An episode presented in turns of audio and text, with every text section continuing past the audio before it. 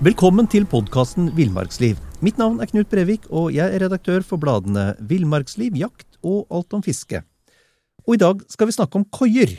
Tor Gotaas, forfatter og folkeminnegransker, og Marius Nergård Pettersen, forfatter og friluftsentusiast, har akkurat kommet med Koieboka. Historiene om det lille hjemmet i skogen, en miks av kulturhistorie, anekdoter og guide til Norges flotteste koier.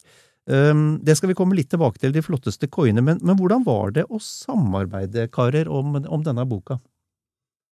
altså, Jeg liker jo egentlig ikke å samarbeide med noen, men Marius er grei, og det visste jeg fra før. Men vi har delt stoffet så tydelig at uh, det er ikke noe samarbeid om det samme stoffet. Vi har hvert vårt stoff. Jeg har det som er svart-hvitt, historiske stoffet fram mot 1970-tallet.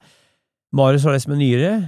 Så det har vært ekstremt lett å sammen med han, og det visste jeg på forhånd. Derfor sa jeg ja til å gjøre det. Mm. Ja, altså Det er også grunnen, grunnen til at jeg ler. Altså, det har vært veldig lett. Også, men så er det også morsomt fordi eh, alle jeg forteller om eh, at jeg har skrevet en koiebok med Tor Gotaas, eh, det er liksom 10% som ikke bryr seg i det hele tatt, eh, som ikke har noe forhold til verken koier eller Tor, og så er det 20% som har lyst til å prate om koier, og har et veldig sånn nært forhold til det. Og så resten av 70, 70 de vil vite åssen det er å skrive bok med Tor. Fordi han har et sånt veldig innarbeida navn hos, hos, mange, da. Eh, så jeg har prata mye om åssen det er å skrive bok med Tor Gotaas. Og, og, svaret på det er jo at det, er, eh, det har vært kjempegreit. Mm. Eh, men han har jo tempo som er helt enormt, så jeg liksom følte at jeg har kjørt sånn dresin etter flytoget hele veien.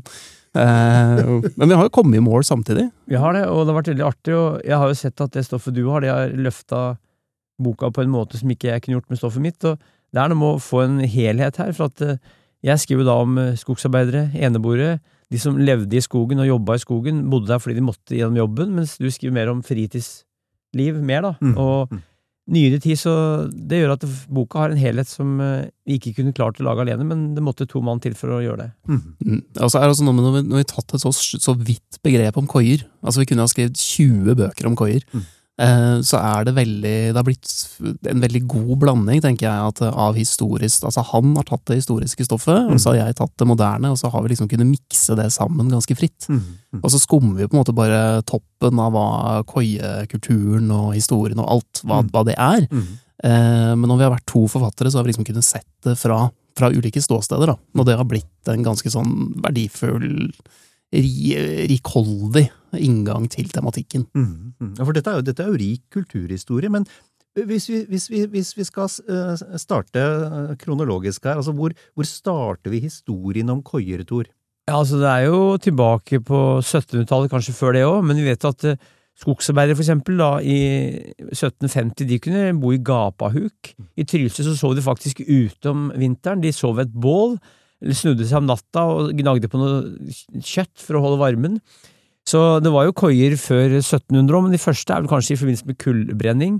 Men da vi kom på 1800-tallet, så oppsto det noen koier, for det, det, her var jo at de måtte ha ovn, vet du, eller varme i koia, og da var det en del og, altså det som kalles gjørkoier, hvor det var åpent i taket og flamme på gulvet. Og da lå de på brisker langs eh, veggen, og så sov de i et eh, i ei koie altså, hvor det var åpent i taket og flamme så det er altså en historie som går fra det veldig veldig primitive mm. til det litt mer enkle, men til det litt avanserte. Men fortsatt i 1930-åra så var det mange som hadde gras, så lå på gras. De hadde granbar som laken, som eh, lak, laken ja. Mm. De hadde ikke noe sengetøy før kanskje etter krigen. Så Det er utrolig hvor primitivt mange har levd, og i Trøndelag, Meråker og Selbu spesielt, så var det jo jordkoier fram til 60-tallet. Mm. Som de bygde på én dag, altså. Jordkoier som bygde på én dag, og bodde i hele vinteren. Det er ikke så lenge siden det. Mm. Det, altså det, sett med våre øyne så må det ha vært en veldig stusslig tilværelse. Jeg vil ikke si det. Nei? For at uh, hvis du da var uh, for eksempel uh, 22 år og ikke hadde noe jobb om vinteren, mm. så var det jo alternativet å ikke ha inntekt, kanskje framfor å være tømmerhugger. og de tenkte nok ikke sånn som vi gjør i dag, og for eksempel i 19 blank så var jo koiene bedre enn det var i 1850. Så det var finere enn bestefaren og faren, og jeg tror de som Jeg vil ikke bruke uttrykket stusslig, kanskje mer røft og tøft, men mm hvis du sammenligner for eksempel med fiskere i 19 blank eller i 1850, så levde jo fiskere veldig kummerlig òg, og anleggsarbeidere, slusker og rallare, så du må se hvordan det var i den tida det var. Så jeg tror det at eh, de som lev i, levde i koiene og var i skogsarbeid, de Nå får du bladet Villmarksliv rett hjem i postkassa i tre måneder for kun 99 kroner. Send SMS VILL36 til 2205 og motta bladet allerede neste uke. Mom deserves the best, and there's no better place to shop for Mother's Day than Whole Foods Market. They're your destination for unbeatable savings, from premium gifts to show-stopping flowers and irresistible desserts. Start by saving 33% with Prime on all body care and candles. Then get a 15-stem bunch of tulips for just $9.99 each with Prime. Round out Mom's menu with festive rosé, irresistible berry chantilly cake, and more special treats. Come celebrate Mother's Day at Whole Foods Market. De klagde nok ikke sånn som vi ville gjort i dag, men de visste at andre hadde det bedre, men de visste at hvis de var jobba i skogen og bodde der, så fikk de i hvert fall noe inntekt den vinteren. Det var snakk om å overleve, altså. Mm. På en helt annen måte enn vi kan forestille oss i dag, tror jeg. Mm. Så kommer dette også an på øynene som ser. Ja. Nå representerer vi kanskje ikke gjennomsnittet av dagens, eh, dagens nordmenn, men, eh, men eh, jeg tror veldig mange også har et veldig sånn nært og kjærlig forhold til den type tilværelse i dag også. Og det prøver vi også å vise gjennom boka, at uh, de koiene som fortsatt står i dag, som fortsatt er veldig enkle. Uh, og vi har jo også gjørkoier som står i dag. Mm. De fleste er, uh, har ikke det der åpne ildstedet midt i rommet lenger, men er små rom med, med ordentlige vedovner. Mm. Tror, sånn som Statskogbuene, masse åpne buer over hele landet, brukes fortsatt av veldig mange, Mm. og er steder som folk har et ordentlig nært, nært forhold til. Mm. Um, så jeg, jeg tror, tror Altså, du kan si mange vil se på det som enkle steder som ikke frister så mye, gitt dagens luksus, Mm. men samtidig så gir det et sånt avbrekk fra den luksusen, da. Mm. Det er steder hvor du må være til stede, du må øh, være til stede i det der og få varme i rommet og holde trekken unna, og, og det gjør også en, gir også en sånn um, en sånn godfølelse Mm. for, Mm. for mange av de som bruker dem. Mm. Og I tillegg så vet vi at uh, det her var jo arbeidsliv. Jeg skriver om mye skogsarbeidere, og de hadde et samhold. De uh, sov tett, de spiste, og de levde sammen uh, litt sånn som sjøfolk, eller kanskje i militæret. Og det å slite sammen fysisk under åpen himmel i skogen, det, det var jo brutalt og hardt, og mange hata nok snøen, men de, de likte å være i skogen, så sjøl om ikke vi skal si at det var romantisk å være skogsarbeider, så var det i hvert fall noe som menn, yngre menn særlig, som du, når du er sterk og frisk og ung, så, så er det noe med å slite, sånn som folk har gjort i Norge i alle år for å overleve. Altså, vi lever i et land hvor det har kosta mye slit for å klore seg fast, og Mm. da var skogsarbeid det var noe som var veldig realt. Det var akkordarbeid, det var ganske bra betalt for mange. så det var noe med det samholdet og det livet som var deler av året, noen måneder av vinteren kanskje, eller høsten. Så det var ikke helårstilværelse, det var noen måneder, og det var noe som for eksempel far til Alf Prøysen, han var jo skogsarbeider, og dro til Sverige, tror jeg, eller lå langt borte fra Høgge Tømmer, så de var borte kanskje fra kjerring og unger og levde det her livet som en del menn liker å gjøre i perioder, så det hadde en slags eim av romantikk over seg, samtidig så var det matauk og en måte å rett og slett berge seg på og forsørge familien med kroner og øre. Og da var det gjerne kjerringa som tok seg av bruket med mjølka kuer og kanskje stelt i jorda hvis det var i den perioden, men ofte var jo det her utenom Koiliv var om vinteren, utenom eh, arbeidslivet på jordet og, på gården. Så det var arbeidsdeling i løpet av året hvor koilivet var forbeholdt vinteren, noen måneder om vinteren. Mm. Så det var en, en syklus og en arbeidsdeling i året som fulgte sykluser som var gamle, som var en del av overlevningsmåten for de her folka.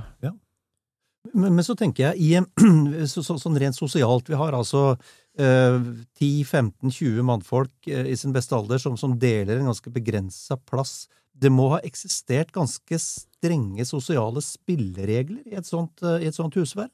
Det var jo det var jo forbudt etter hvert å spytte på gulvet, men mange spytta jo snus, skråtobakk, og det var eh, Det var tett å sove. De sover gjerne tett, for da holder du varmen òg. Mm. Det er ikke noe som folk hadde likt å gjort i dag, tror jeg.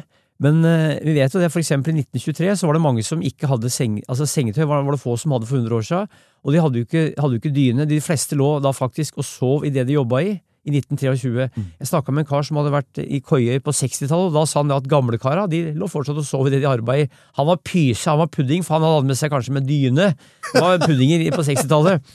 Men altså, så da var det helt sikkert regler for åssen uh, de skulle opptre, og hvis du har menn sammen, hvor kanskje de eldste er de som setter an tonen, og de yngre kommer inn og lærer hva som er kutyme, så tror jeg det eksisterte sånne regler som kanskje varierte litt hvor du var i landet, for det, det var, jeg er ikke sikkert det var like regler overalt, og noen steder så De måtte rett og slett være, venner, altså kunne ikke krangle så mye, i hvert fall. Men det var mye hosting og harking og fising og raping og mye dårlig luft, men øh, det, var snakk om å overleve, og da tenkte de ikke på det, tror jeg, i det landet som Norge var for, for eksempel i 1923 Nei, nei. blant de som var aktuelle for å ha sånn arbeid, for det var jo mange som ikke ville arbeide sånn i 1923 eller 1953, men de som gjorde det, de godtok det, og de måtte godta det. Jeg har snakka med mange som har vært i Koiro, og de sier at det, var ålreit når du var ung og sprek, men når du hadde kanskje vært med på det i 15-20 år, så var det på tide på å finne, finne noe annet. Mm. Mens andre holdt ut i 50-60 år som koiboere, eller vintre. Og så var det vel ikke et sted man sloss, man hadde mer enn nok med, med det fysiske arbeidet om dagen. Det vet du mer om. Ja, så det er klart at uh, det var ikke noe Kanskje så mye krefter igjen til å slåss, men det var nok mye testosteron som sirkulerte mellom vegga der. Men jeg tror ikke folk sloss i koia, men vi vet at det var en god del drikking. Eller noen hadde kanskje med seg brennevin og drakk om kvelden mer for å, for å sovne, eller for å, for å For brennevin var en del av en del av kulturen mange steder, men det var heller ikke alle som drakk, så jeg tror det var ganske strengt. Ja. De kom inn fra koia når dagen var slutt, de lagde mat, de tørka klær, de spilte kort, de etter hvert, etter krigen hørte de på radioen, kanskje, men radio fikk de kanskje ikke før da på 50-tallet, 40-tallet, så det var et liv hvor det var bestående av arbeid, mat og hvile. Nettopp. Du arbeida så hardt eh, at hvile var godt, og hvis du arbeider hardt, så er det nok å legge deg rett ut og se i taket og prate og, og bare ta det med ro, altså. Og det med, det med regler på koia, det er i og for seg ikke noe som vi har forlatt, med Marius. Altså, det eksisterer jo uskrevne regler for koiebruk i dag også. Ja, i dag så er det jo mer sånn generelle regler. Altså, jeg, du trenger jo ikke å sette opp en plakat lenger om at det ikke spytt på gulvet. Altså, det, det er jo sånn vi ler av i dag. Ja. Eh, den gangen så var jo det helt reelt. Altså, de koiereglene som eh, Tor snakker om der, det var jo et skjema. Jeg husker ikke hvor mange regler det var. Ja. En eh, sju, åtte, ni regler hvor det står sånn helt konkret, blant annet ikke, ikke spytt på gulvet. Eh, I dag så har vi jo mm, altså konkrete regler. Statskog har uh, buvettreglene, mm. som handler om eh, egentlig rein folkeskikk. Altså ikke, ikke okkuper den hytta her. Eh, lenge har du vært her ett, en natt, og andre vil eh, bo her neste natt, så, så flytter du ut. Eh, Fair og etterlat stedet sånn som det var når du kom. Altså Ja. det er helt, helt vanlig, eh, vanlig folkeskikk. Men jeg har lyst til å bare legge til i forhold til det altså, å bo mange tett på en sånn koie. Altså, Vi er jo ikke ferdig med det. Én tid på året, altså jakt. Når jakta begynner, eh, det er jo høysesong for så mange fortsatt. Mm.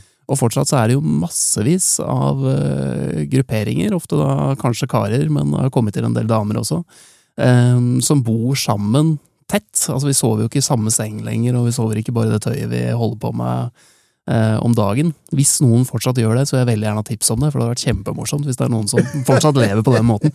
Men men eh, det å bo tett, altså jeg kjenner jo, kjenner jo folk som det, det er årets store høydepunkt. Det er å bo seks stykker eh, oppå hverandre i en liten koie langt inne, langt skau- skauen et sted.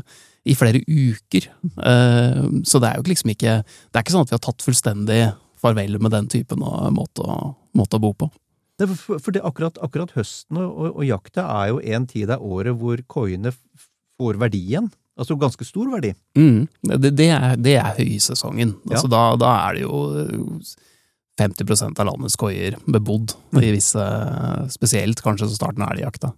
Og i gamle dager så arba folk hardt, vet du, og hvis du er ute om dagen og arber, så sover du veldig godt. Mm. Så det å sove godt, sånn som de gjorde Altså, jeg planter skog, jeg vet du, en måned i året planter jeg skog, og da sover jeg jo enormt godt. Altså, du sovner jo bare sånn, og du sovner dypt. Så det her var mennesker som sov godt på en, Og de hadde ikke noe stimuli om kvelden som ødela søvnen, sånn som vi har i dag, så da, da fikk du en type Da er det kanskje greit å ligge oppå hverandre omtrent, hvis du har en brisk og ligger fem mann i bredden, så, eller ti mann i bredden, så sover du, og da får du det samholdet som som var en del av samfunnet, vil jeg tro, på mange måter for 100 år siden, som vi kan miste i dag. Det arbeidsfellesskapet, det fysiske, å arbeide sammen med andre fysisk, det er det mange som ikke har gjort i dag. Mm. Men det, det, det er en spesiell verdi, det er noe i, det som eh, Og sånn hadde det vært.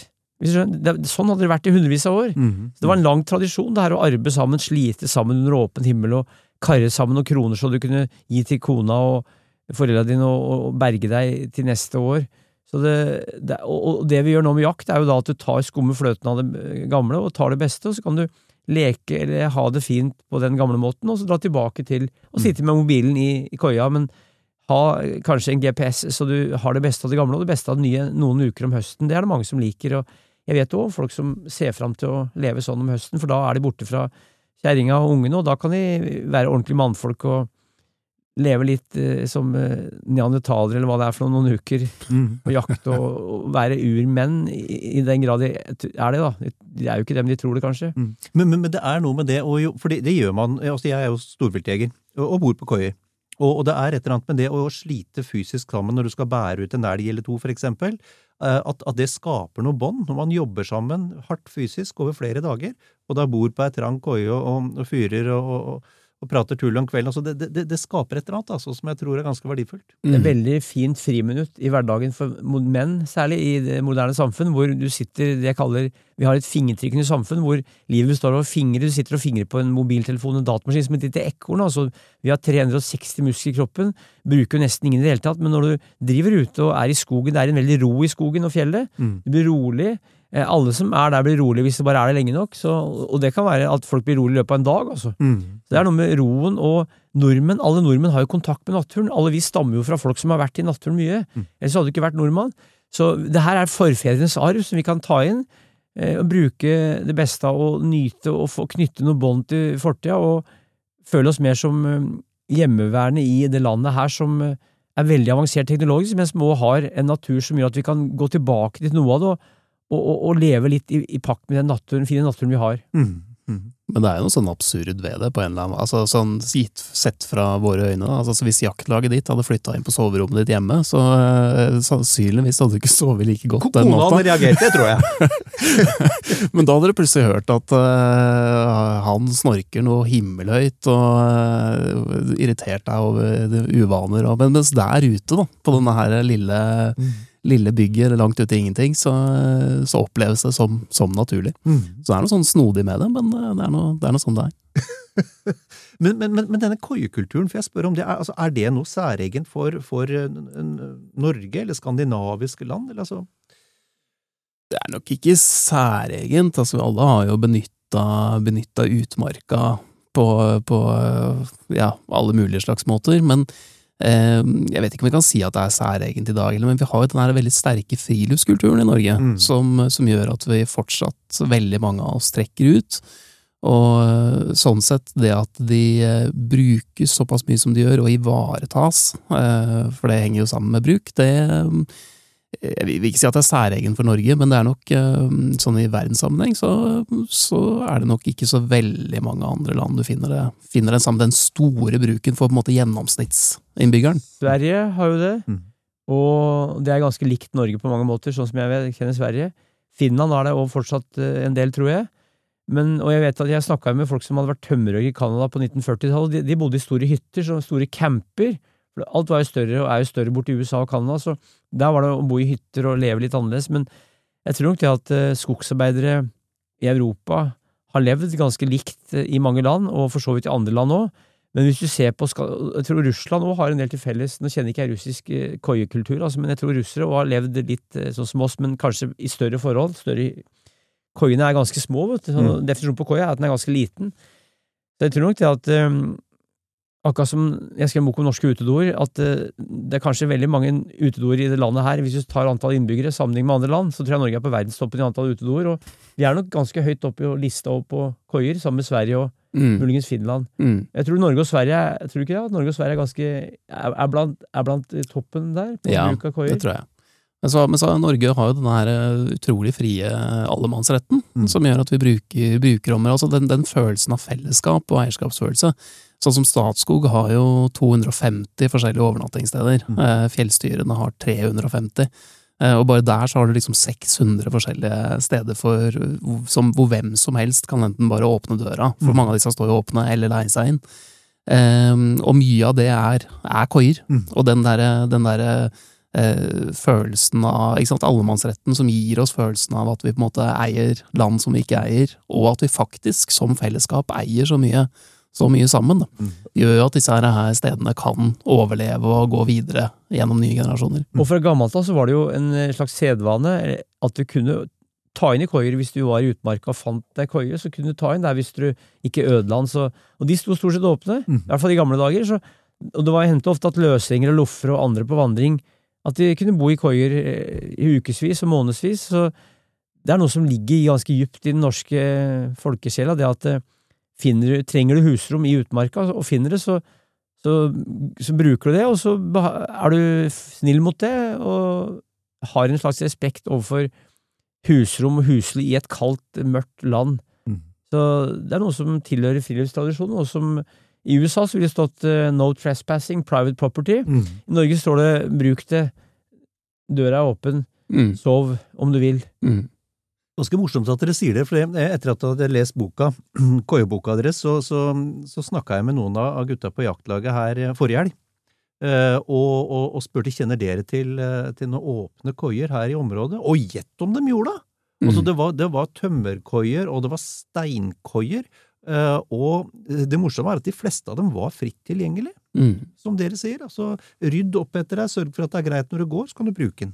Ja, og Fantastisk! enten da til eh, bare ha et måltid på dagtid, eller overnatte. og Jeg var jo lærer i friluftsliv noen år, og da overnatta jeg litt på noe Du har jo DNT i tillegg, som er noe annet, da, men allikevel, det er jo en halvbror. Mm. Og mange almenninger, for eksempel Romedal allmenning, har ikke de over 100 koier? Eller- Jo, nå husker jeg ikke tallet i hodet, men eh, de har veldig mange. Stange og Romedal og eh, Løten. massevis. For eksempel, og det, det, finnes egne bøker, for eksempel om Det finnes en bok om koien i Nes i Hallingdal. Mm. Mm. Det finnes en bok om koien i Risberget. Altså det, det er så mange koier overalt i det landet her, altså. Mm. Eller buer, som det heter noe sted. Og skogsstuer i Trøndelag. Der var det jo til og med kokker som var med allerede på slutten av 1890-tallet. Eller 1890-tallet var det med kvinnelige kokker Mm. som lagde mat, så der fikk du kvinnen inn i koia. Eh, så, så det har vært en veldig Og, og de regner med at det kanskje var en 30 000-40 000 skogsarbeidere i Norge på 30-tallet. Og da er det jo mange, mange som levde sånn, og som eh, er etterkommere etter de kara som drev der. Mm. Og noen damer som har kokker. Så det er noe som har vært veldig vanlig i Norge, historisk perspektiv. Mm. Også sånn i dag, så bare, altså Det har blitt en sånn trend i Norge i dag med å sette opp små, små overnattingssteder, Mm. eh, som ofte leies ut rådyrt. Altså tretopphytter, for eksempel, er et eksempel på ja. det. ikke sant? Vi, Ja. vi skriver om tretopphytter i boka, Ja. eh, som, som jeg for så vidt har Jeg har veldig sansen for dem, syns det er veldig kule steder. Så det er ikke sånn at Jeg prøver ikke å si at det ikke er verdt å leie dem inn, eller leie dem. Men eh, så mye koier og buer og gammer når det kommer lenger nordover, de kaller det gammel der oppe, eh, står jo da åpent og gratis, og mange av dem står på helt fantastiske steder. Mm. Eh, dette her er jo kanskje det eneste bygget i mange kilometer, mange mils omkrets, ikke sant? Mm. Fordi det ofte står da i naturområder som er verna i dag. I beste fall avmerka med en liten prikk. Ja, en litt, liten prikk, og du finner dem da informasjon om dem. Du må inn på statskog.no eller fjellstyrene for å, for å finne info om dem, men gjør du det, så, så, så kan du også oppleve å være aleine inni et verna område der ingen andre har eh, en bolig. Eh, på et helt sånn, ofte sånn veldig fint beliggende plasser. Ofte da dette historiske bygget hvor du kjenner ordentlig historien i veggene og kanskje ser spor 100 år tilbake. Helt sånn uh, unike overnattingssteder. Mm. Og det er for nordmenn kanskje naturlig, men hvis du uh, fikk en del utlendinger til Norge, så ville de betrakte det som skikkelig eks- eksotisk. Fordi vi er jo så godt vant og bortskjemt med natur her i landet at, eh, at vi kan dra vi kan, Jeg kan være i Brumunddal, der jeg vokste opp, og så kan jeg løpe en tur. Så kan jeg løpe forbi en to-tre koier på den løpeturen som står der. Hvis jeg vil ta inn, så kan jeg overnatte der hvis jeg vil. Jeg har ikke noe behov for det, men så enkelt er det. Altså, det er jo ganske vanlig at du kan finne koier i løpedistanse fra nesten enhver bygd og en by, hvis du er godt kjent. Mm. Mm. Det er jo ingen i Norge som trenger å eie en fritidsbolig. Altså, vi har så mye hytter som står der tilgjengelig. Mhm. En- En ting vi må snakke litt om, og, mm, og det er den eh, det, det- Og det er en interessant greie som, som dere skriver om i boka. Det er dette med matstell på koiene. Hvor, eh, hvor eh, menn som hjemme av eh, en sånn tidsmessig eh, korrekt mandighet ikke nærmest ville sette over kaffe engang, de er plutselig fabelaktige kokker på koiene. De var i hvert fall bra nok kokker til seg sjøl. For at når du lager mat vet i familien, så skal jo unge ha mat òg. Og det var jo sånn i gamle dager at arbeidsdelinga var slik som den var på grunn av nødvendighet. Mm. Og vi vet jo for eksempel at mange lagde ikke mat om sommeren, verken mann eller kvinne, for de hadde ikke tid. Var, da var kjerringa på setra. Så da spiste de ost og flatbrød og spekemat i tre måneder, for det var ikke tid til å koke mat. Og hvis du må lage mat for eksempel på en vedovn, så er det jo veldig tidkrevende. Mm. Men i koia så kom du hjem fra arbeid da, i skogen, og da hadde du ikke noe annet å gjøre enn å fòre. Og da lagde mannfolk mat, og det er jo ikke sikkert at kjerringa i huset ville sagt at den maten var så god, men alt smaker godt når det er i skogen, Mm. og det var enkle retter. Det var, da spiste de for å få i seg mest mulig kalorier på kortest mulig tid. Mye feit mat. Det var eh, flesk, sukker, mjøl, eh, mye kjøttmat, kraftig mat. Det de hadde, ost, smør. Eh, gjerne utrusta av eh, Noen fikk mat av eh, kona, kjerringa, for uka og hadde med seg spann som de varma opp, mens andre lagde retter. Så det var det at de måtte eh, nød lære naken kvinne å spinne, de, de måtte gjøre det. Og det var nok en egen matkultur i koiene som skilte seg litt fra eh, matkulturen hjemme. Den var veldig enkel, men eh, bra nok, og det kom jo billig flesk fra Amerika Mm. på slutten av 1800-tallet, og det er ikke alle som vil si at den maten var like sunn, for det var mye kalorier, mye hvitt sukker, mye sirup, Mm. det var mye dårlig tannstell blant de her, og, men i hvert fall, poenget var å få mest mulig kalorier i seg, og hvis du spiser mye fett, så ligger jo maten lenge i systemet, du føler deg mett, så hvalkjøtt var populært under krigen, vet du. Mm. så de måtte, de måtte altså opptre som, ikke som kvinnfolk, men som kokker, og da lagde gjerne hver mann egen mat. Men i Trøndelag så hadde de altså kokkelag hvor kvinner lagde mat, og det var bra for maten, det ble mer variert mat. Det ble bra for miljøet. Det var gjerne yngre damer, og ei ung dame kan sprite opp mange mannfolk til bare med sitt nærvær. Ja. Samtidig blir det kanskje litt regulert, men vi vet at uh, kokkelagene, spesielt da i Namdalen og i Trøndelag, de, de, var, de fungerte veldig bra, og det var noe med at uh, kvinner de kan bidra med noe som karer ikke kan, men samtidig så hører vi jo at eh, de kara som høgg tømmer, de, hvis de for eksempel de måtte sy klær som var ødelagt, de måtte kanskje sy noe sår, så de måtte opptre litt sånn som damer opptrådde i den tida hvor arbeidsdelinga var mye sterkere enn i dag. Mm.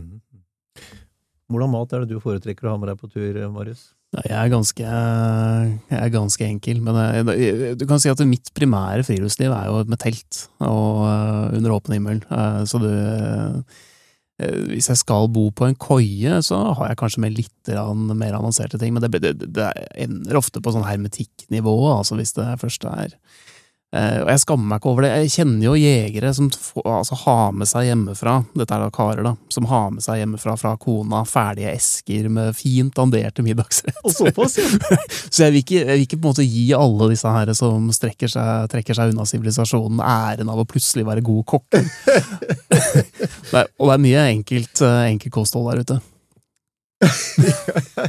jeg ser den, jeg ser den. Um, jo, jo, det, det er et interessant poeng. Um, det fremgår jo av boka, og det jeg også lest andre steder, at, uh, at uh, skogsarbeiderne tidligere hadde et, uh, et daglig energiforbruk som kunne strekke seg opp mot 7000, og ofte over også. 7000 kalorier om dagen. Og da skal du spise ganske mye fett, altså, for å, for å utligne. De hadde jo smør, de hadde flesk, de hadde alt de kunne finne som var fett, altså.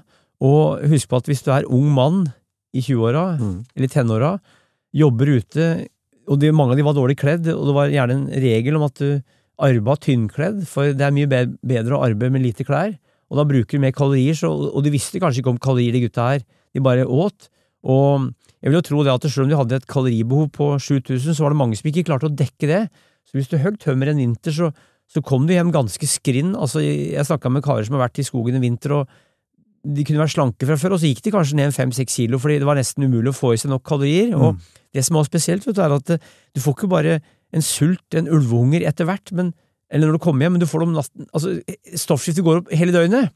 Så du får altså en sånn Kroppen blir som kakkelovn, altså. Og så kulde gjør at du får større behov for kalorier. Og jeg jobba som snømåker jeg, før OL i 94 på Lillehammer, og, og da på Sjusjøen, og da hadde jeg Nå får du bladet Villmarksliv rett hjem i postkassa i tre måneder for kun 99 kroner. I Villmarksliv kan du lese om norsk natur, ærlige tester av klær og utstyr, og mange gode turtips skrevet av erfarne friluftsfolk, fiskere og jegere. Send SMS VILL36 til 2205 og motta bladet allerede neste uke. Lev livet villere med bladet Villmarksliv. Hey, it's Ryan Reynolds, and I'm here with Keith, co star of my upcoming film, If, only in theaters, May 17th. Do you want to tell people the big news? All right, I'll do it. Sign up now and you'll get unlimited for $15 a month in six months of Paramount Plus Essential Plan on us. Mintmobile.com slash switch. Upfront payment of $45 equivalent to $15 per month. Unlimited over 40 gigabytes per month. Face lower speeds. Videos at 480p. Active Mint customers by 531.24 get six months of Paramount Plus Essential Plan. Auto renews after six months. Offer ends May 31st, 2024. Separate Paramount Plus registration required. Terms and conditions apply if rated PG. det samme behovet. Og da bodde jeg i hytte som var Jeg varma ikke opp på hytta, det var 17 kuldegrader i hytta, for jeg orka ikke å fyre, jeg bare jobba. Jeg fikk jo enormt sånn der kaloribehov, og det må du og, da, og det er sånn som pol, polfarere har, altså. De, de feter seg opp på forhånd. Så det var sagt at noen prøvde å fete seg opp litt før de skulle ut i skogen om vinteren, men eh, det var ikke mange som telte kalorier.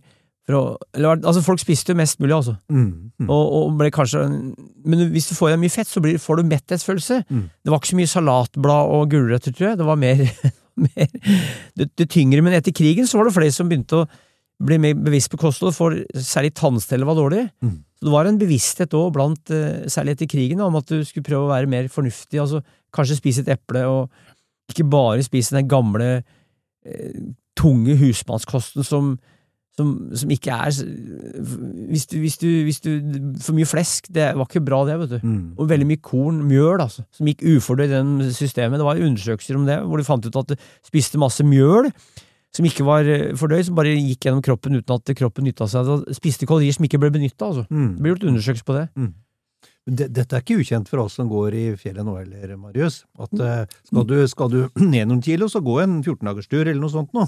Absolutt. absolutt. Jeg har hatt perioder hvor jeg har vært som en sånn jojo, hvor du er borte noen uker og kommer hjem ti kilo lettere. Eh, og så bort, feiter deg opp litt. Og så. Nei, altså hvis, vi skal gi noen sånn matnyttige tips til eh, generelt, altså det å ta med seg ting ut på eh, sånne steder, så er det jo, og ikke bære seg i hjel, så er det jo havregrynbasert kosthold. Er vi jo, eh, er vi jo fan av begge to. Og du kverner vel til og med havregryn sjøl, du. Det er som valser, ved valser havre, hel havre, så valser jeg, og du vet at hesten spiste havre. Så i koiene så sto jo kjøreren så alltid nærmest døra, så kjøreren sto klokka halv fem, halv seks, eller før òg, og fôra hesten med havre.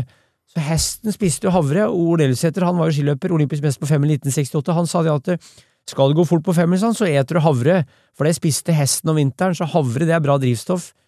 Både til langrenn og til å være i koia. Havre er varmende vet du, som, som kornslag, det er litt mer fett i det, og havre gir en veldig bra, bra effekt, eh, synes jeg, og jeg valser, og det er enda bedre, for når du valser havren, så, så er den enda mer næringsrik, tror jeg, og tilfredsstillende enn den havregrynen. Mm. Altså, det er jo ikke alle som, alle som har med seg valse på tur, selvfølgelig, men, men eh, havregryn altså Ferdig blanda poser med havregryn, melkepulver og kanskje litt sukker. Nøtter. Eh, og nøtter, for eksempel. Ja. Er Fantastisk bra eh, kosthold. Ja, ja, ikke sant. Da, da er vi over på luksusen igjen.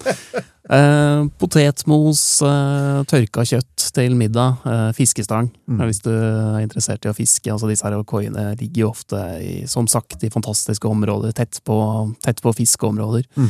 Eh, så det er på en måte mitt primærkosthold eh, på sånne turer. Det er havregrynsbasert. eh, ofte da Ofte da bare egentlig tilbehøret til, til fisk. Mm. Mm. Vi må snakke litt eh, om, eh, om eh, dette med forbedring av standarden på koier. Det starta jo veldig, veldig enkelt, og du var inne på det, Tor, at en, det skjedde jo forbedringer fra generasjon til generasjon, sånn at man kunne alltid peke tilbake og si at det var verre før. Um, men, men det er et fascinerende avsnitt av boka som går på en kommentar som konsul Aksel Heiberg skrev. Han var stifta av Det Norske Skogselskap. Eh, Og han hadde ikke mye sympati for krav om økt standard på koiene. Han var jo, da han sa det, var han litt oppi åra. Ja. Han var ikke så gammel, men litt oppi åra. Ja. var han kanskje i 50-åra. Så han var vokst opp med at standarden var mye dårligere. Så han hadde jo sett at standarden var blitt bedre, og de som klagde på standarden, var ofte yngre.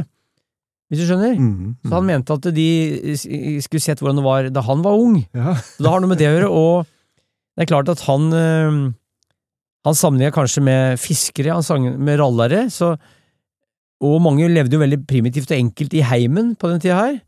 Ingen hadde omtrent at de hadde innlagt vann, for eksempel, og strøm var sjelden, og så det spørs hva han Han var som, som ung eller gammel mann, og sikkert mer velstående enn de han eh, prata om, så det er noe med generasjonsforskjellen, så det er som i dag, hvis du får en ungdom klage på noe i dag, så kan de gamle si at eh, det var mye verre før, så du skal være fornøyd med det som er, Mm. tror jeg har litt å si, altså, og han var jo forplikta til å si det òg, for han hadde en posisjon hvor han kunne si det der uten at han Han var ikke berørt av det personlig, han tror det går på det, altså. Ja, og det er, det er noe dypt nedlatende ved det. Altså, han, han skriver, og jeg siterer, de skogsarbeiderne som ikke tåler vårt nuværende stell i skogen, kan helst gå hjem til mor.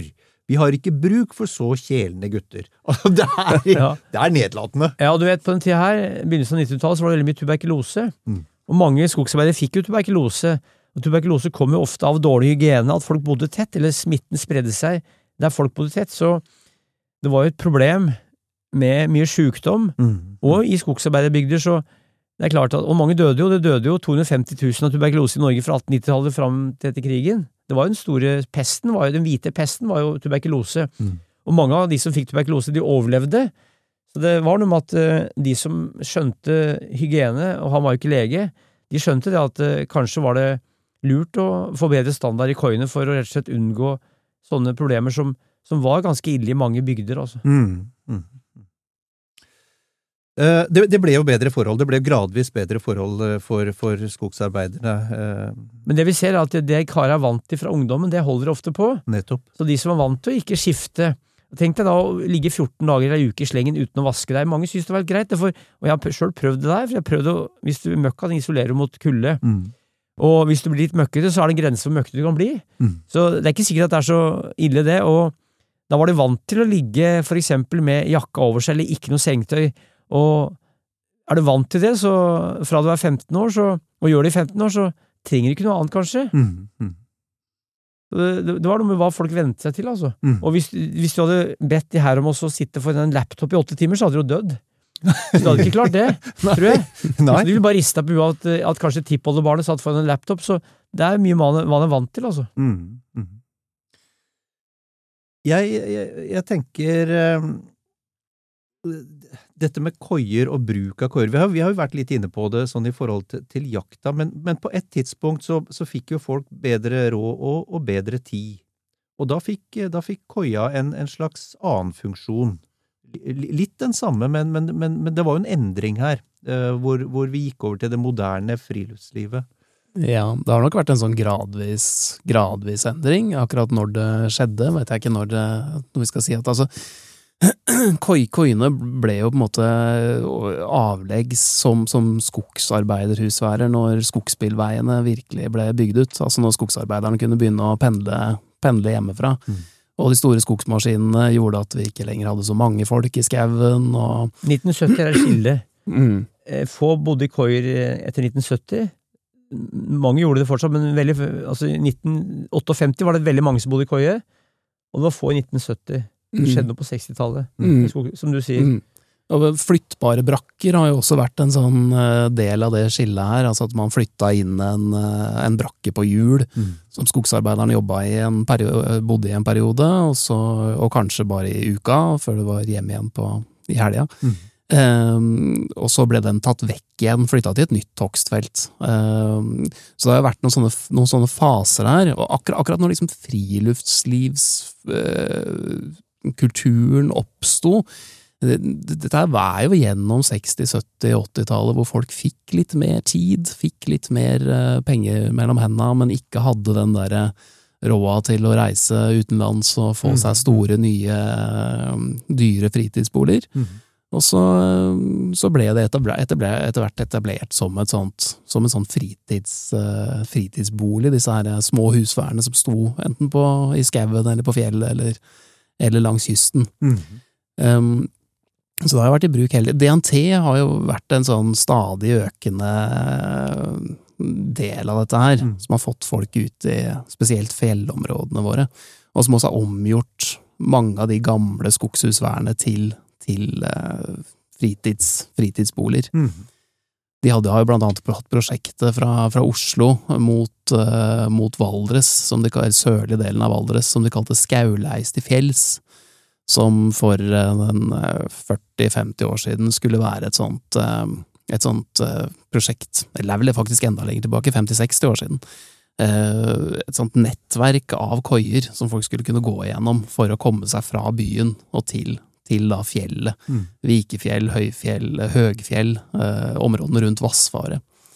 Og det er jo et sånt nettverk som i, i relativt stor eh, grad består fortsatt i dag, med hytter hvor du kan gå. Gå fra hytter til, eh, til høyfjellet fra storbyen. Mm. Mm. Og så er det noe med at eh, når hyttelivet, som har bredd om seg, særlig etter krigen, først med enkle hytter, så med mer avanserte hytter, når hyttene har blitt veldig avanserte og ofte dyre, så er det en slags, eh, ikke motreaksjon, men en forlengelse av det, er at eh, en del av de som har veldig dyre hytter, har òg ei koie. For de kan være på hytta og gå på ski, og så kan de ha ei koie som de jakter i. I hvert fall noen har det. Og det her med mikrohus har jo bredt om seg de siste åra, så i Brumunddal, i huset der, så er det Koie hage som mutter'n fikk bygd, for hun er jo, var jo kvinnfolk og likte å drive med ting i ei koie, tømmerkoie der. Så jeg vil si at de siste 30 åra, kanskje, at det har skjedd mye der på den fronten som Og så ser de jo den historiske verdien av å for eksempel i en allmenning av å restaurere og ta vare på koier. Altså det er en verdi når ting går, kommer litt på avstand, så ser folk verdien av det. Mm. Og det er jo en, hyt- koier er jo en halvbror eller tremenning eller søskenbarn til hytter, for eh, vi ser jo det at eh, når det står så mange koier som vi har sett i Norge, og de har stått der, så, så skjønner nordmenn at det må vi ta vare på. Mm. Mm. Det er rett og slett en slags kollektiv bevissthet om at det her er noe som er en del av fortida, og da tar vi vare på det, for det liker nordmenn. Altså det er, folk gjør det ofte på dugnad, og ildsjeler sørger for at eh, de blir tatt vare på, og da kan det være Jeg holdt et foredrag på noe som heter Majorstua, ei koie på Høstbjørg, like ved der jeg vokste opp i Brumunddal. Det var i sommer, og der er det Majorstuas venner har tatt vare på den. Mm. Så de restaurerer den og, og sørger for at den står og er et turmål, så det, det er en, en bevissthet som finnes over hele landet om å ta vare på de stedene her, og det er noe som er veldig fint, synes jeg. For det er også dugnadsånden kommer også fram, altså. Mm. Friluftsliv og dugnad. Mm. Så tror jeg nok det der ordet motreaksjon er litt sånn relevant. Altså det, vi har på en måte havna i en tid hvor eh, alt er så utrolig tilrettelagt, og uh, muligheten for litt trekk i et moderne hus i dag er jo så å si, så å si null. Mm. Uh, ikke at det nødvendigvis er negativt i seg sjøl, men jeg, jeg tror i hvert fall en ganske økende andel av befolkningen på en måte prøver å vri seg litt tilbake til, øh, i hvert fall i perioder, da, det der enkle, enkle livet. At det er noe sånn veldig forlokkende med det. Altså Jeg skrev, jo en bok for noen år siden om hemmelige hytter. Mm. Og det er jo, som jeg også har prata, her, her om, um, og det er jo ofte enda mindre steder. ikke sant? Det kan være bare sånn bitte lite rom under en eh, rotvelt uh, en plass, med én en køye og en eh, vedovn. Eh, helt, helt enkelt. Bare jordgulv og kanskje et vindu. Mm. Um, og, og den reaksjonen på, på den boka var jo helt sånn enorm. Altså, det var så Det var hundrevis av telefoner, eh, brev, meldinger, eh, på folk som på en måte hadde et sånt veldig tett og nært forhold til dette her, Mm. som er, det er så langt fra hvordan vi lever i dag. Mm. Um, jeg, jeg tror det er noe med den, der, den kontrasten, at vi I en koie så ser du at du kan leve veldig enkelt. Eh, og egentlig så kunne du ha levd sånn hele tida. Mm. Likevel så lever vi på måter som på måte er så absurd mye mer luksuriøst, og bruker så mye penger og ressurser på å opprettholde en sånn livsstil. Men, men, men det, er en, det er et spennende tanke, det der, det du sier. Altså, vi, vi, vi sitter i godt oppvarma hus og spiser ultraprosessert mat og, og gnager på en telefon. Eh, um, og så er det, altså, er det altså forbløffende mange som ønsker i hvert fall å kjenne på en tilværelse hvor det er veldig, veldig mye mer primitivt. Mm. Jeg sier det, du skal, altså hvis du tar friske nordmenn over en viss alder, eh, som ikke er sjuke, så vil nesten alle si det er koselig å komme til ei koie med en fin ovn og kanskje noen fine senger. og Det, er noe koselig og veldig fint og kjært med det som er kanskje gjenkjennelig, fordi sånn har noen av forfedrene våre levd. Mm. Det er noe som, En kobling til fortida som er positiv, altså hvor du bruker det beste av det Kjører kanskje bil et sted, og så, går det, og så kommer du til ei koie, og så beste av det gamle og det beste av det nye, et slags frikvarter fra det moderne, over i det enkle og alle har sjansen for det mange har sjansen for det enkle hvis det er bare i perioder, og det er godt å kjenne på det, og det at naturen er så nær i Norge, altså den ligger jo i nærområdene, som jeg sa, jeg kan løpe i Brumunddal, og så kan jeg løpe innom to-tre koier, så, som ligger like ved der jeg vokste opp, men der kunne jeg altså slått meg til å, å leve det enkelt hvis jeg ville, så det er noe med at Norge er et land som byr på det her, det det er så mye muligheter til å ha det der tett innpå seg, og samtidig så er det nært, altså. Eller det er fjernt, men nært, altså. Vi kan, vi kan nyte det på en fin måte. Mm. Så skal det sies at dette her er jo ikke noen sånn ny tanke. Altså, det er en amerikansk forfatter som het eh, Thoreau, som skrev en bok eh, som heter Valden i, på slutten av 1800-tallet. Midten. Midten av 1800-tallet, kanskje? Levde fra Rundt 1860? Han levde, fra, levde ikke fra 1817 til 1865, da? Rundt Ja, der? ja, Rundt rundt ja. der. Nei, altså han, han flytter jo ut i en uh, hytte i skauen og skriver om hvor fint det er, eller i hvert fall hvor nærmere det er hans uh, måte å leve på.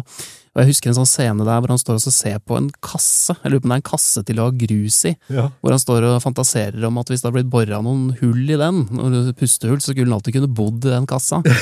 um, og, og, og, og hans da hans da på en måte egentlige tilværelse er jo kanskje det vi i dag ser på som, eh, ser på som veldig enkelt. Så vi har jo på en måte alltid kanskje hatt et sånn, sånn nostalgisk forhold til hvordan det egentlig var før. Var han egentlig blyant, eh, lagde han ikke egentlig blyanter, og hytta den Jeg har sett den, for jeg bodde borte i Vermont, jeg, og jeg har jo vært hos en kar som bygde ei sånn hytte. Toro, han eh, Jeg tror han ga ut den boka sjøl, og ingen ville gi den ut. Jeg tror hun solgte 151 eksemplarer, og han måtte isolere hytta si med bøker som ikke ble solgt. Det var veldig dårlig salg. Men jeg bodde hos en kar jeg, i 2005 som het, som het eh, Bill Yeo. Han hadde bygd ei hytte som var enda mindre enn Torå. Han hadde bygd hytte på to ganger fire meter, med to etasjer, for han skulle slå Torå. Torå sin var tolv kvadrat, tror jeg. Så det, er en klassiker i USA. Du kan kjøpe Torå-hytter i USA, så vidt jeg vet. Og, og, og Bill hadde altså bodd i ei hytte på to ganger fire kvadrat, uten strøm, uten vann, og det var altså Da snakker vi på 90-tallet, altså.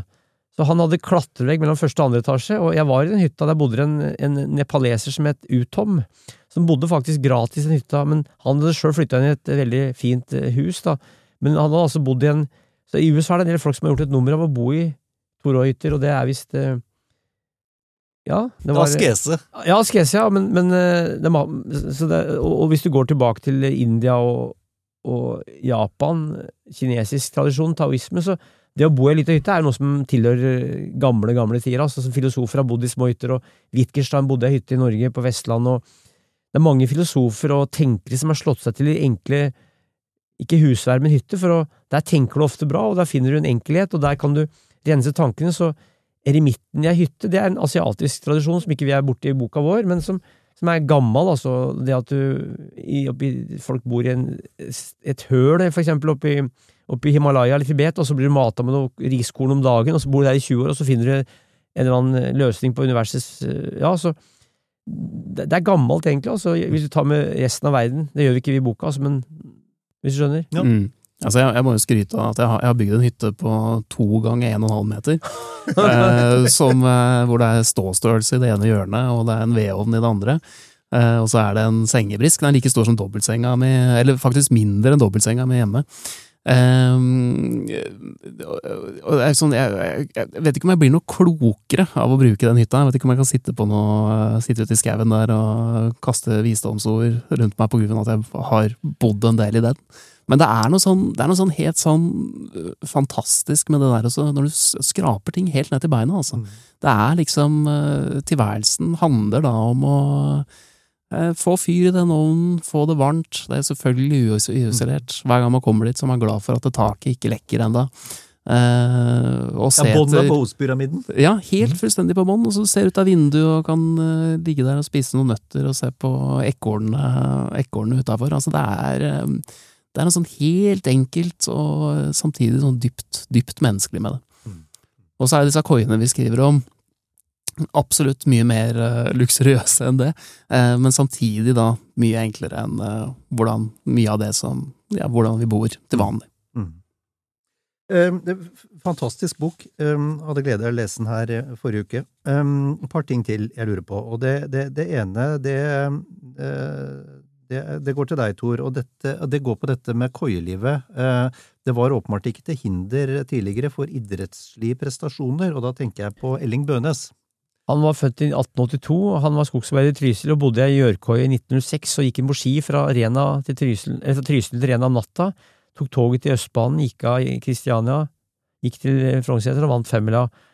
Og han øh, gjorde det fire ganger. Vant femmila fire ganger i 06, 08, 09 og 16. 16 ja, og han øh, var typisk skogsarbeider i Trysil. Og før krigen, før 1940, så hadde alle vinnere av femmila Holmenkollen holdt på med skogsarbeid. Det var ingen unntak av de norske, svenske og finske, de hadde vært skogsarbeidere deler av året, for i skogen så fant de styrke, de fant utholdenhet, og de bodde i koie, alle. Jeg vet at det var én svensk skiløper som pendla til koia hver 14. dag, han gikk 17 mil hver vei, han og broren. 17 mil én vei gikk de sammenhengende på ski, starta om morgenen og var framme før kvelden. For å komme til koia så var det 14 dager her, og gikk tilbake. Eh, og det her var eh, vanlig, og i Finland og Sverige så begynte de på 2030-tallet, og i Norge og for så vidt, å, å ligge i koia om høsten og trene. Så det, etter, etter, krigen var det noe som var et opplegg, og i Trøndelag og på Østlandet, hvor de om høsten enten kunne de arbeide halve dagen og, og, de kunne trene, eller så kunne de arbeide og trene annenhver dag. For da tjente de penger og arbeid, og trente som en slags treningssamling på tømmerkoie.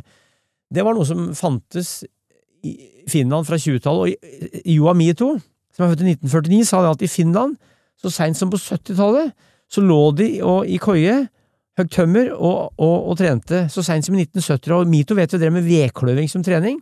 Så så seint som i 1986 så drev han og kløvde ved fra mai til juli med, med øks. Tre til fem dager i uka, fem til sju timer. Så arbeid og skiløperliv det hang sammen. Og Gjermund Eggen, født i 1941, han begynte å hogge tømmer da han var tolv år, men fikk ikke lov til å ligge i koie, for det måtte være konfirmert. Mm. Så da, han og broren, de, de, rodde frem og tilbake, for det var en innsjø de lå ved. Eller så løp de att og fram til koia. Gunder Hegg, svensk løper født 1918, verdensrekord under krigen, han fikk ikke lov til å bo i koie i begynnelsen, for han var tolv år og begynte å hogge tømmer. Han løp til og fra koia.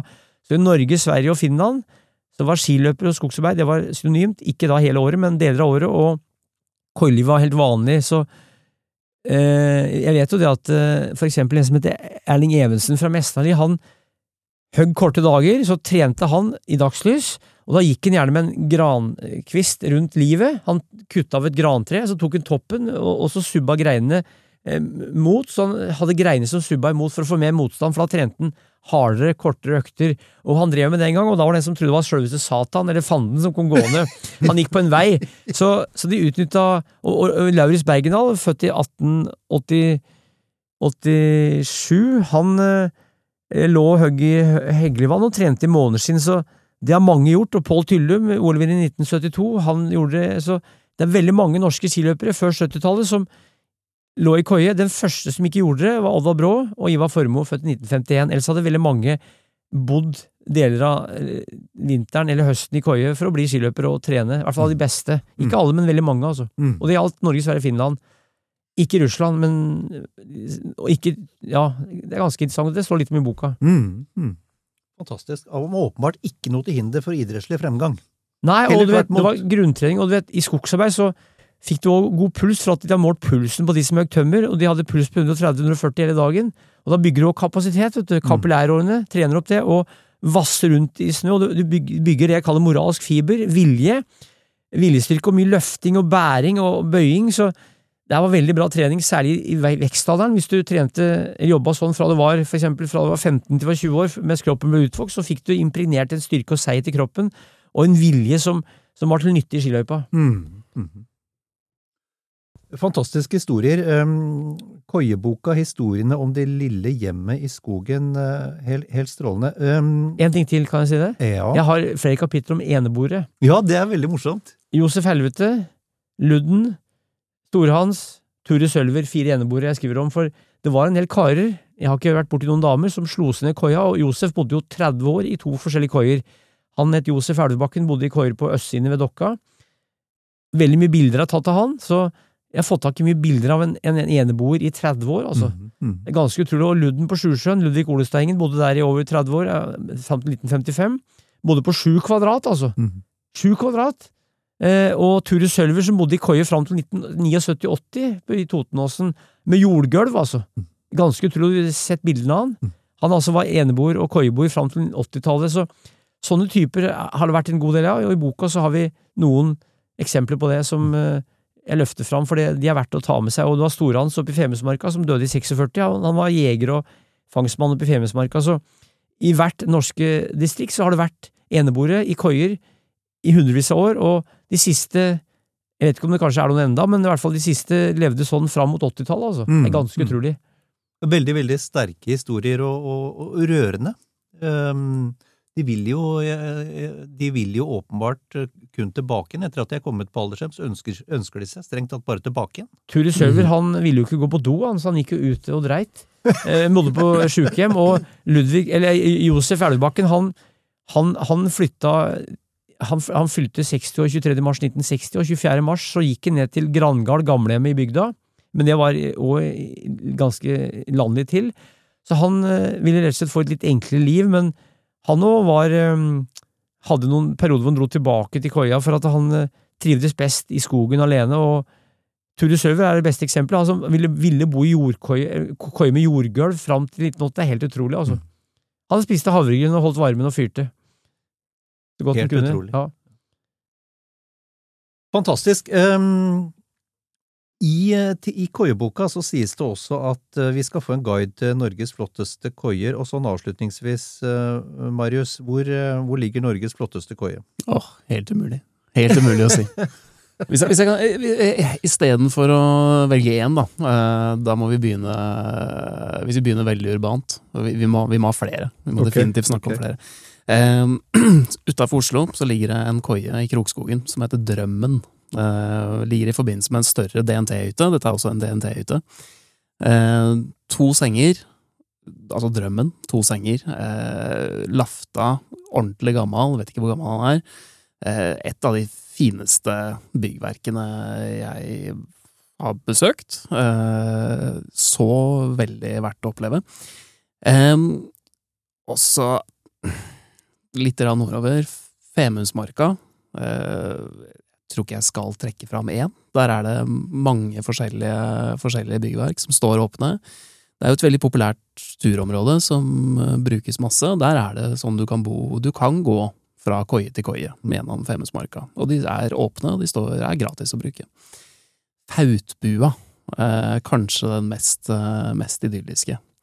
Nå skal det sies at jeg liker veldig godt disse her som er- små, altså. altså okay. flere, flere koier har flere, har, noen av dem har flere rom, og eh, et par soverom, og et, eh, kanskje til og med et lite kjøkken og sånn.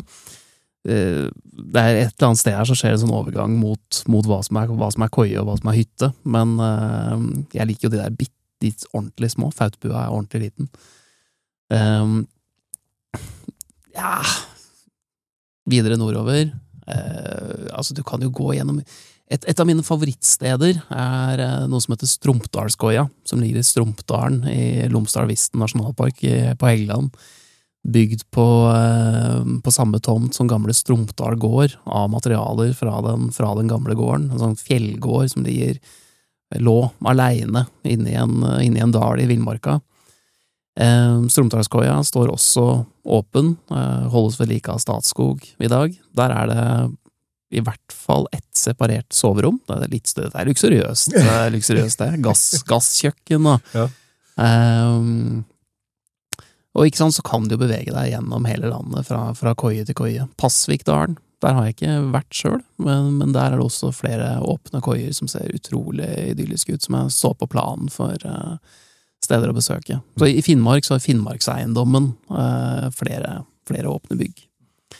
Og så er altså da Statskog og fjellstyrene på en måte det første stedet jeg vil anbefale folk å, å lete etter, lete etter koier Mm. på nett. De har hundrevis. Helt avslutningsvis, blir det flere bøker sammen, karer? Vi har begynt å snakke om noe. Jeg er ganske sikker på det. Tusen takk for en hyggelig prat. Hvis det blir bøker, så blir det Det skal nok bli noe enkelt, og det er, det er noe som foregår der ute en plass. Det gjør det. Vi har en, helt, har en liten plan. Vi har en plan, ja. Kult.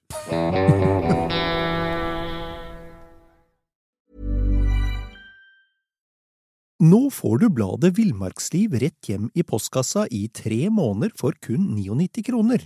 I Villmarksliv kan du lese om norsk natur, ærlige tester av klær og utstyr, og mange gode turtips skrevet av erfarne friluftsfolk, fiskere og jegere. Send SMS VILL36 til 2205 og motta bladet allerede neste uke. Lev livet villere med bladet Villmarksliv.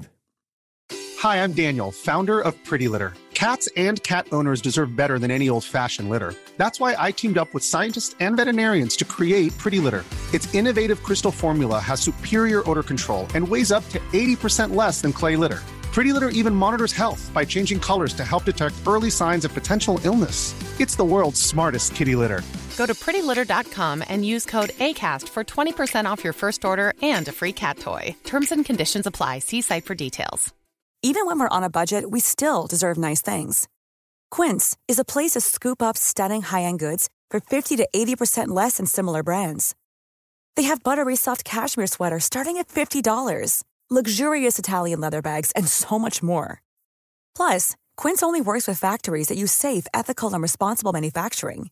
Get the high-end goods you'll love without the high price tag with Quince. Go to quince.com/style for free shipping and 365 day returns.